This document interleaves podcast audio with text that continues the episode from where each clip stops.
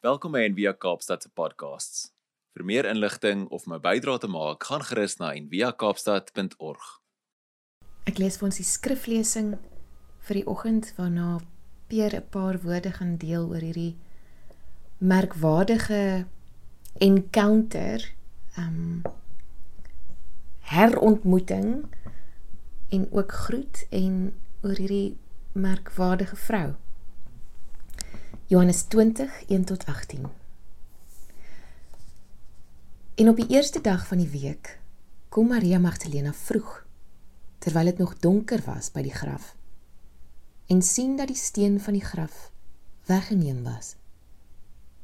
Sy hardloop toe en kom by Simon Petrus en by die ander disipel vir wie Jesus liefgehad het en sê vir hulle hulle het die Here uit die graf weggeneem en ons weet nie waar hulle hom neergelê het nie. Toe gaan Petrus en die ander disipel uit en kom by die graf. En die twee het saam gehardloop en die ander disipel het vooruit gehardloop, vinniger as Petrus en eerste by die graf gekom. En terwyl hy neerbuk, sien hy die doeke lê. Maar hy het nie ingegaan nie. Toe kom Simon Petrus agter hom aan en gaan in die graf en sien die doeke lê en die doek wat op sy hoof was sien hy nie by die doeke lê nie maar opgerol op een plek afsonderlik. Daarop het ook die ander disipel wat eerste by die graf gekom het ingegaan. En hy het gesien en geglo.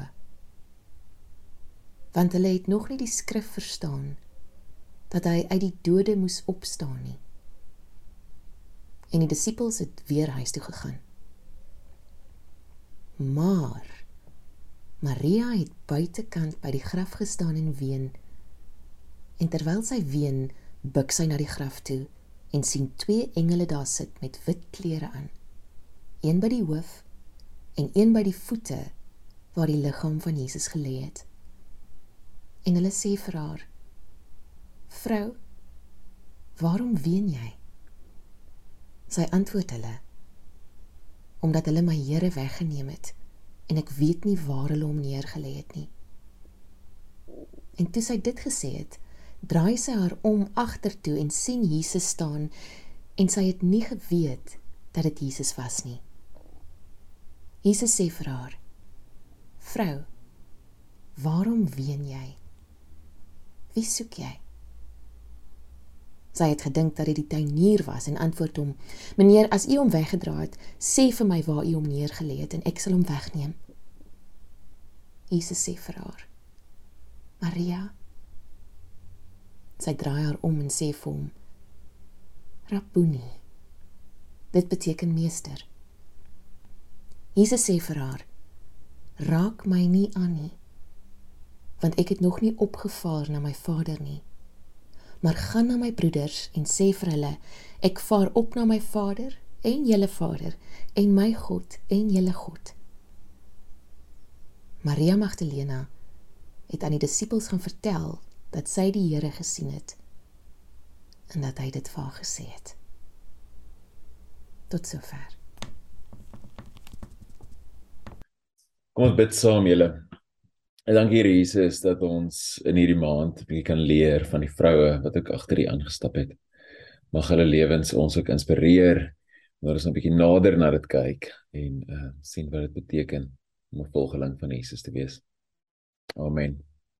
So ons praat 'n bietjie vandag oor Maria Magdalena, 'n uh, baie baie interessante figuur, 'n baie kontroversiële figuur en 'n uh, en 'n enigmatiese figuur in die evangelies. Uh hierso is 'n ikoon van daai langs hy. As jy kan kyk, so sy word baie keer uitgebeeld met 'n eier en 'n uh, 'n uh, vlesolie. So as 'n later bietjie praat oor die vlesolie want ek daar's nie heeltemal akkuraat nie, maar die eier is nogal interessant. So die legende was dat uh op Paasoggend, op Paasoggend het Maria Magdalena 'n mandjie eiers by haar gehad en dis waar ons die Paaseier vandaan kry, reg? Okay, so 'n bietjie van 'n stretch. Maar ehm uh, interessante storie in 'n geval. So Maria Magdalena, 'n enigmatiese figuur en 'n uh, baie interessante figuur in die evangelies. So om net mee te begin, 'n bietjie agtergrond en so, uh, Magdalena, is nie haar tweede naam nie of haar van nie. Die day op die plek waar sy vandaan kom, Magdala. So Magdala is 'n dorp uh, op die oewer van die see van Galilea. Dit was blykbaar 'n rykerige dorp gewees. Uh vissersdorp, industrie en uh, daar was 'n sinagoge. So as jy vandag sin toe gaan, uh, wanneer ons Israel toe gaan, dan stop ons ook daar. Dit het eintlik onlangs eers oopgemaak, soos een van die meer uh nuwer sites het oopgemaak het en ons hierdie beautiful kompleks daar gebou in hierdie uh pragtige moderne kerk en ek regtig baie mooi plek wat alles daai hele plek is uh toegewy aan die vrouens in die evangelie. So dis altyd 'n baie spesiale plek wanneer ons Israel toe gaan omdat ehm um, die ou geboue en goed is maar baie gefokus op die mans en wat die mans gedoen het omdat dit maar uit 'n patriargale stelsel uitgekom het. So Magdala is 'n baie spesiale plek. Ehm um, so sy is Maria die Magdalene eintlik want sy kom van Magdala af. So ehm um, sy was baie weet sy word baie in die Bybel genoem. Sy word 12 keer genoem in die evangelies, baie en baie keer eerste genoem wat beteken dat sy 'n belangrike figuur was. So sy was ehm um, Jesus, een van Jesus se eerste volgelinge gewees. So nie 'n disipel nie, was nou nie 'n man nie, maar 'n volgeling. Ehm um, so al vier evangelies wys haar uit, al vier evangelies. So wanneer en dis ook interessant, hè, wanneer iemand in al vier verskyn, dan weet jy daai is 'n baie belangrike persoon. So in al vier evangelies wys haar uit as een van die vrouens wat Jesus finansiëel ook ondersteun het. So sy het geld gehad, means gehad. En uh, die een een lys eintlik wys haar uh, saam met 'n ander vrou wat wie se man die bestuurder was van die huis van Herodes. En die bestuurder meen soos half die het hy die die budget geraan ek so baie baie ryk mense wat een van haar vriendinne was. So dit was die kringe wat sy in beweeg het. So invloedryke ryk vrou. En wat ons nie baie keer daar so sien nie, né? En so sy het Jesus finansiëel ondersteun. So dis ook eintlik baie interessante teks want want Jesus dis 'n skande teks. Want om deur vrouens onder finansiëel ondersteun te word as 'n man was 'n skande, maar Jesus het dit obviously toegelaat. Ehm um, so baie interessant. So Lukas 8 het 'n voeg die interessante detail by dat sy die een was uit wie Jesus sewe duiwels gedryf het. So sewe duiwels kan baie goed beteken. Dit kan letterlik sewe duiwels beteken. Dit kan uh, beteken iets wat sy iets wat haar vasgehou het in haar lewe, iets wat sy van verlos is. Baie baie goeders kan sy uitvat. Ek dink die kerk het obviously so 'n baie snaakse pad gevat as gevolg van daai teks, maar hy die, die die minste kan jy sê dat sy was verlos van iets. Iets was sleg in haar lewe, stikkend in haar lewe, iets wat haar vasgehou het en Jesus het haar verlos en dis kom sy aanvolg. So ehm um, dis baie sy's baie interessant wat ons sien haar tot by die einde van Jesus se lewe tot aan die kruis. Johannes 19 daarso plaas haar by die voet van die kruis saam met Jesus se moeder Maria en dan Johannes die geliefde disipel en die ander Maria Maria die vrou van Kleopas. Ehm um, Maria Magdalena het ook die begrafnis van Jesus waargeneem. Sy het geweet waar sy begrawe waar hy begrawe was. En ehm um, sy was natuurlik die eerste persoon aan wie Jesus verskyn het die oggend van sy opstanding volgens Matteus, Markus en Johannes wat eintlik baie interessant is. So sy en dit wat so was so amazing is van haar net van die storie en eintlik van die hele evangelie en Christelike spiritualiteit en alles is dat dit was 'n vrou vrou wat eerste vir Jesus gesien het in die opstanding. En dis 'n big deal. In die in die antieke tyd was dit 'n big deal. Vrouens was tweede-rangse burgers, weet? Daar was verskillende maniere hoe mense na vrouens gekyk het, maar oor die algemeen nie baie positief nie, maar dat 'n vrou die een is wat eerste vir Jesus gesien het. Is great. En sy is dan die een wat vir die apostels gaan vertel het. Ek het Jesus gesien. Hy leef sy ek glo dis met die mooiste woorde in die wêreld ek ek het Jesus gesien en hy leef my Here leef en sy word soms genoem die apostel van die apostels as want sy was die eerste boodskapper van die opstanding. So ehm um, ek glo vir die the naked pastor is the naked pastor volg op Instagram dalk hy maak sulke cartoons. En hierdie ene sê so ladies thanks for being the first to witness and report the resurrection and we'll take it from here. So die mans oorgevat in die kerk. En ehm um, van bo af is ons steeds kan in die moeilikheid. So ehm um, baie interessant die die punt hierso is ook dat Jesus se bediening het vrouens ingesluit en hulle bemagtig. Dis dis iets van Christendom wat baie radikaal anders is tot vandag toe nog as baie ander gelowe en van die groot gelowe dat vrouens so groot rol gespeel het veral heel aan die begin. Ek dink die moderne weergawe van baie van die groot gelowe in die wêreld is dalk 'n bietjie meer anders, 'n bietjie meer equal en so maar hulle oorsprongstorie is nie so verseker nie so nie. Waar Christendom se oorsprongstorie het vrouens ingesluit van die heel begin af. Ehm um, was hulle volgelinge van Jesus, by Jesus geleer, leiers in die vroeë kerk. Ehm um, en dis deel van die rede hoekom dit so vinnig gegroei het, hoekom die kerk so vinnig gegroei het, is omdat dit vrouens ingesluit het. En omdat dit ook, jy weet, al hierdie mense ingesluit het wat gewoonlik aan die buitekant gestaan het. So dit was ehm um, daar's kan wel wat akademici en scholars nou wat glo dat omdat Jesus so dramaties vroue ingesluit het onder sy volgelinge en ehm um, en dan natuurlik in die vroeë kerk het dit 'n paar van die vroeë kerkvaders en pouse en so 'n bietjie baie ongemaklik gemaak en nie baie daarvan gehou nie.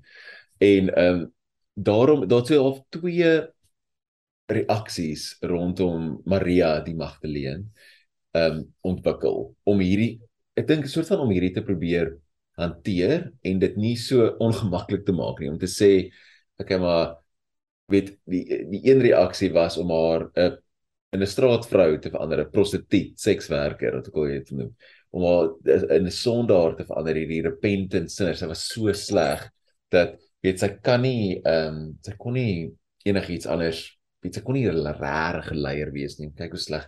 Dit was maar net hierdie repentant sinner en dit so sleg gevoel oor al die sleg goed sy gedoen het dat sy ehm um, man man dis kom sou genoem word. So dis die een reaksie.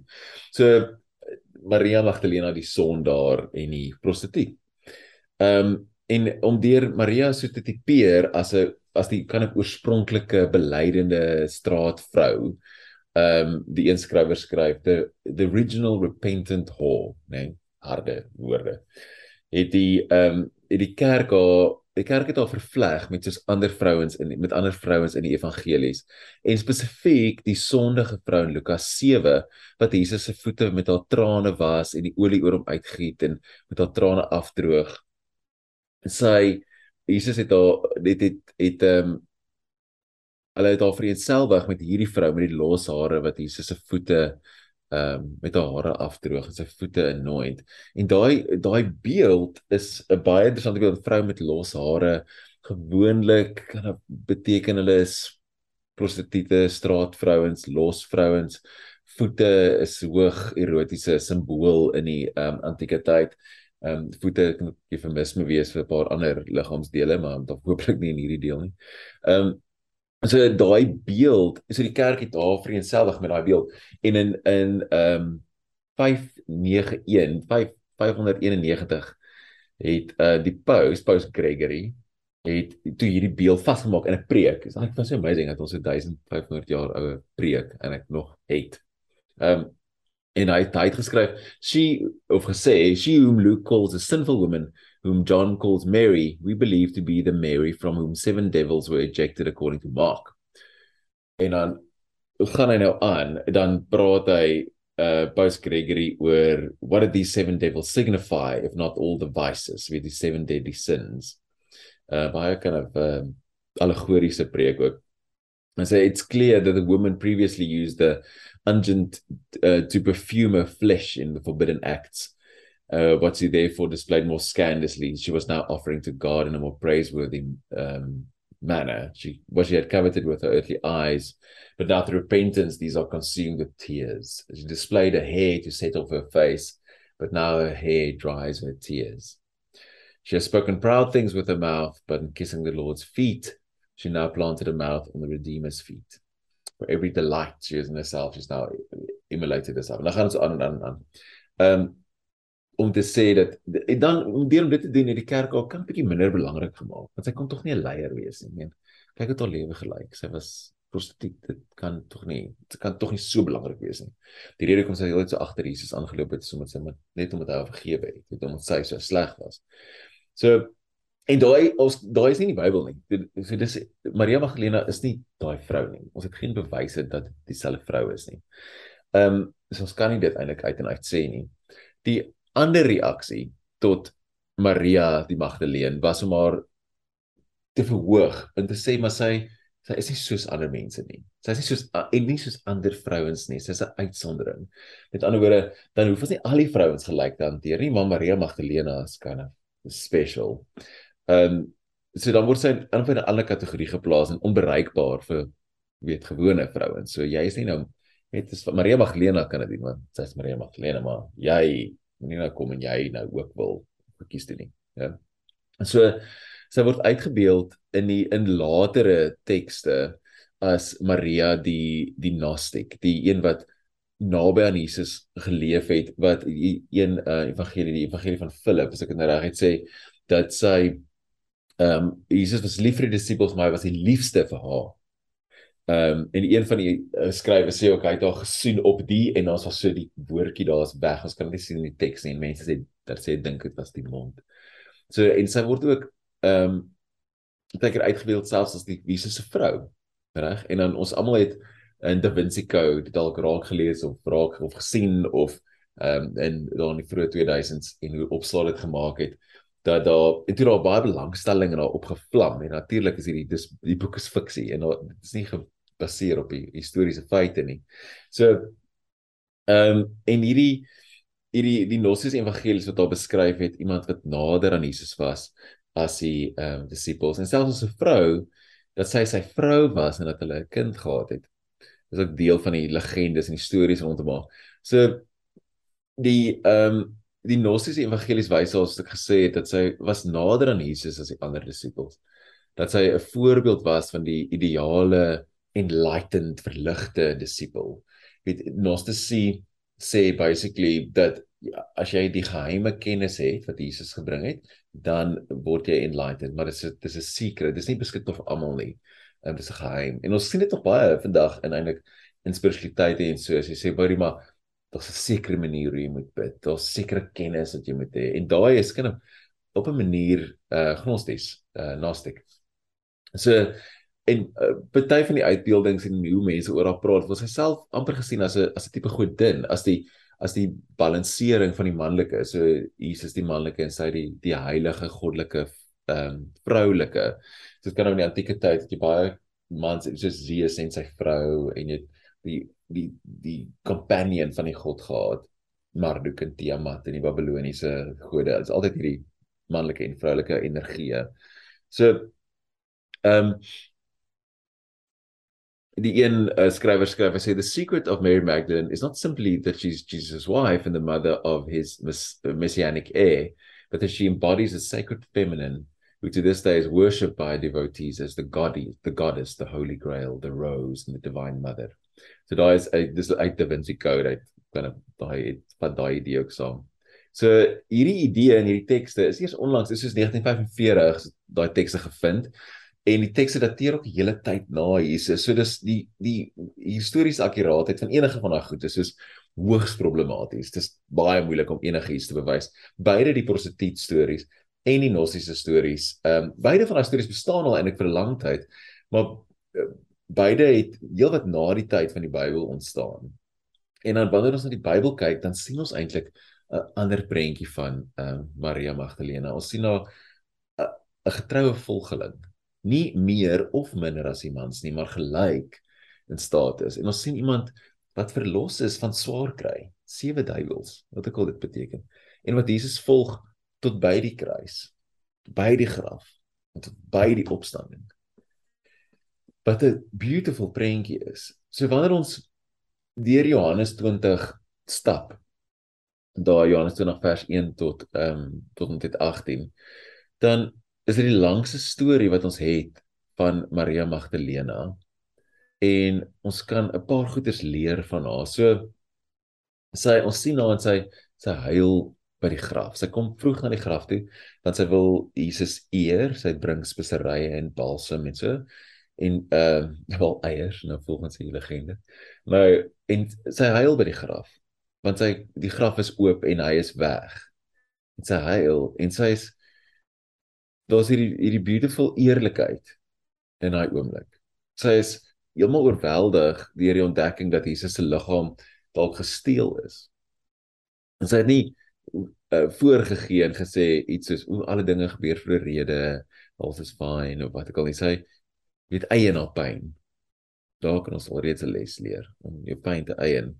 Sy staan met haar arms letterlik vol met hierdie speserye en olie en sy huil en toe ehm um, hulle vra maar hoekom huil jy? Toe sê sy omdat hulle my Here weggevat het en ek weet nie waar hulle hom nou begrawe het nie. En sy sê dit twee keer. Sy sê ek weet nie waar hy is nie. Sy sê dit 'n paar keer, ek weet nie waar hy is nie. En daar's sulke woorde wat resonate met ons ook op 'n manier wat jy voel ek weet nie ek het in die week 'n gesprek met 'n vriendin wat sê sy voel of sy nie haar geloof verloor het nie, maar dis amper of sy sy kan nie vir Jesus vind nie. Soos sê ek weet nie ek weet nie waar hy is nie. Ek mis hom. Ehm um, die disippels gaan terug huis toe. Dis wat dis wat hulle kom. Sy sê vir hulle hy's weg, hy's weg. Ek weet nie waar hy is nie. Dan sê hulle dan gaan hulle huis toe. Hulle gaan kyk in die graf, sien niks en dan gaan hulle huis toe, nê? Nee? Maar sy bly. Dit is my so mooi is. Sy bly by die graf in daai pyn en seer en rou en goed. En sy gaan ook in ehm um, en dan sien sy die engele wat sit by die koppenet en voetenet en daar is 'n net so kant toe daar's interessante beeld. Dit is soos ehm um, want dis 'n natuurlik 'n bed waar jy liggaam op sy gelê het soos 'n klipbed en dan sit die engele so. En dit herinner my aan die beeld van ark reg? Net interessant dit is soos terug blik of 'n reference, die twee engele op die kante van die ark sit en die ehm um, in die Ou die Ou Testament sê dat God se stem het gepraat van die middel af sy woord. Nee, dit is okay, dan maak jy beskik met jou kop so klomp klokkies afgaan die woord, engele, ark, God se boodskap, weet redding, al daai goed, dis waar die bloed gedrup het in die middel van die ark, weet al daai klokkies moet gelyk afgaan. Maar dis wat Maria sien. Sy sien hierdie beeld en dis iets soos hierdie beeld wat hier langs my is. So en dan is sy die een wat vir Jesus sien. En sy sy en dis mos hy die mooiste ding, sy sy verwar hom met die tuinier. En dis so die eerste Adam was ook 'n tuinier en die tweede Adam is ook 'n tuinier. So is hierdie beautiful tuin storie in Eden. En dan roep hy haar op haar naam, hy noem haar op haar naam, sê vir Maria. En dan erken sy hom. En sy sê ook vir hom, ek weet nie waar hy is, kan jy my sê waar hy is? Ek weet nie waar hy is nie. En daai ek kry sommer hoendervleis. Dit is vir so dis so beautiful want baie keer dan weet ons nie waar Jesus is nie. Ons dit voel so ons het hom verloor. Ons het ons geloof verloor of ons het ons pad verloor en ons soek hom en ons weet nie waar hy is nie. Dis weg. Maar hy weet waar ons is. Hy ken ons naam. Dis net daai laat insink vir 'n oomblik. Selfs al weet jy nie waar Jesus is nie, hy weet waar jy is en hy ken jou naam. Jy voel jy's vasgevang of jy's sewe duiwels. Jesus weet waar jy is. Hy ken jou naam. Hy ken jou naam. En dan wat gebeur? Is Maria is vol vreugde en sy wil Jesus aangryp en hy sê nee, wag eers. Daai enigmatiese baie vreemde teks. Iets van goed het nou verander. Dit is nuwe goed wat gebeur. En wat sy dan doen daarna is sy gaan vertel die wêreld. My Here leef. Ek het hom gesien. Ek het hom gesien. En sy word die apostels, die apostel van die apostels. En mag hierdie storie ons storie word. Te sê ek weet nie waar Jesus is nie. Waar het hy hom gesit? Om ons pyn so te eien, te sê te rou by die graf en te sê dis hierdie is terrible, ek seer, eerlik te wees oor jou pyn, eerlik te wees oor jou verlange na Christus, eerlik te wees oor waar jy is in die lewe en dan te luister en te hoor dat Jesus jou naam roep vandag. Wat hy sê Pieter, Susan, Liesel en dat jy kan verheug word bly word en vry word en vir ander mense kan gaan sê my Here leef Ek het hom gesien. Hy ken my naam. Amen. Ons bid saam julle. Dankie Here dat wanneer ons nie meer kan sien nie en nie weet waar hy is nie, U steeds weet waar ons is. Dat U ons naam ken. Mag ons vanaand U naam vandag U naam hoor. Dankie dat U die met ons is. Dankie dat U opgestaan het. Dat U leef. Help ons om ook vir ander te wys deur ons lewens dat U leef. Dat ons deel is van die gemeenskap van die opstanding. Mense is van die opstanding wat vry is. Ons loof U naam. Amen. Kan jy jou hande uitsteek vir 'n seën? Mag jy jou naam hoor. Mag jy hoor dat Jesus jou naam sê vandag en elke dag, dat hy weet waar jy is. In die naam van die Vader en die Seun en die Gees. Gaan in vrede en vertel dat Jesus leef. Amen. Dankie dat jy saam geluister het vandag. Besoek gerus en via kaapstad.org vir meer inligting.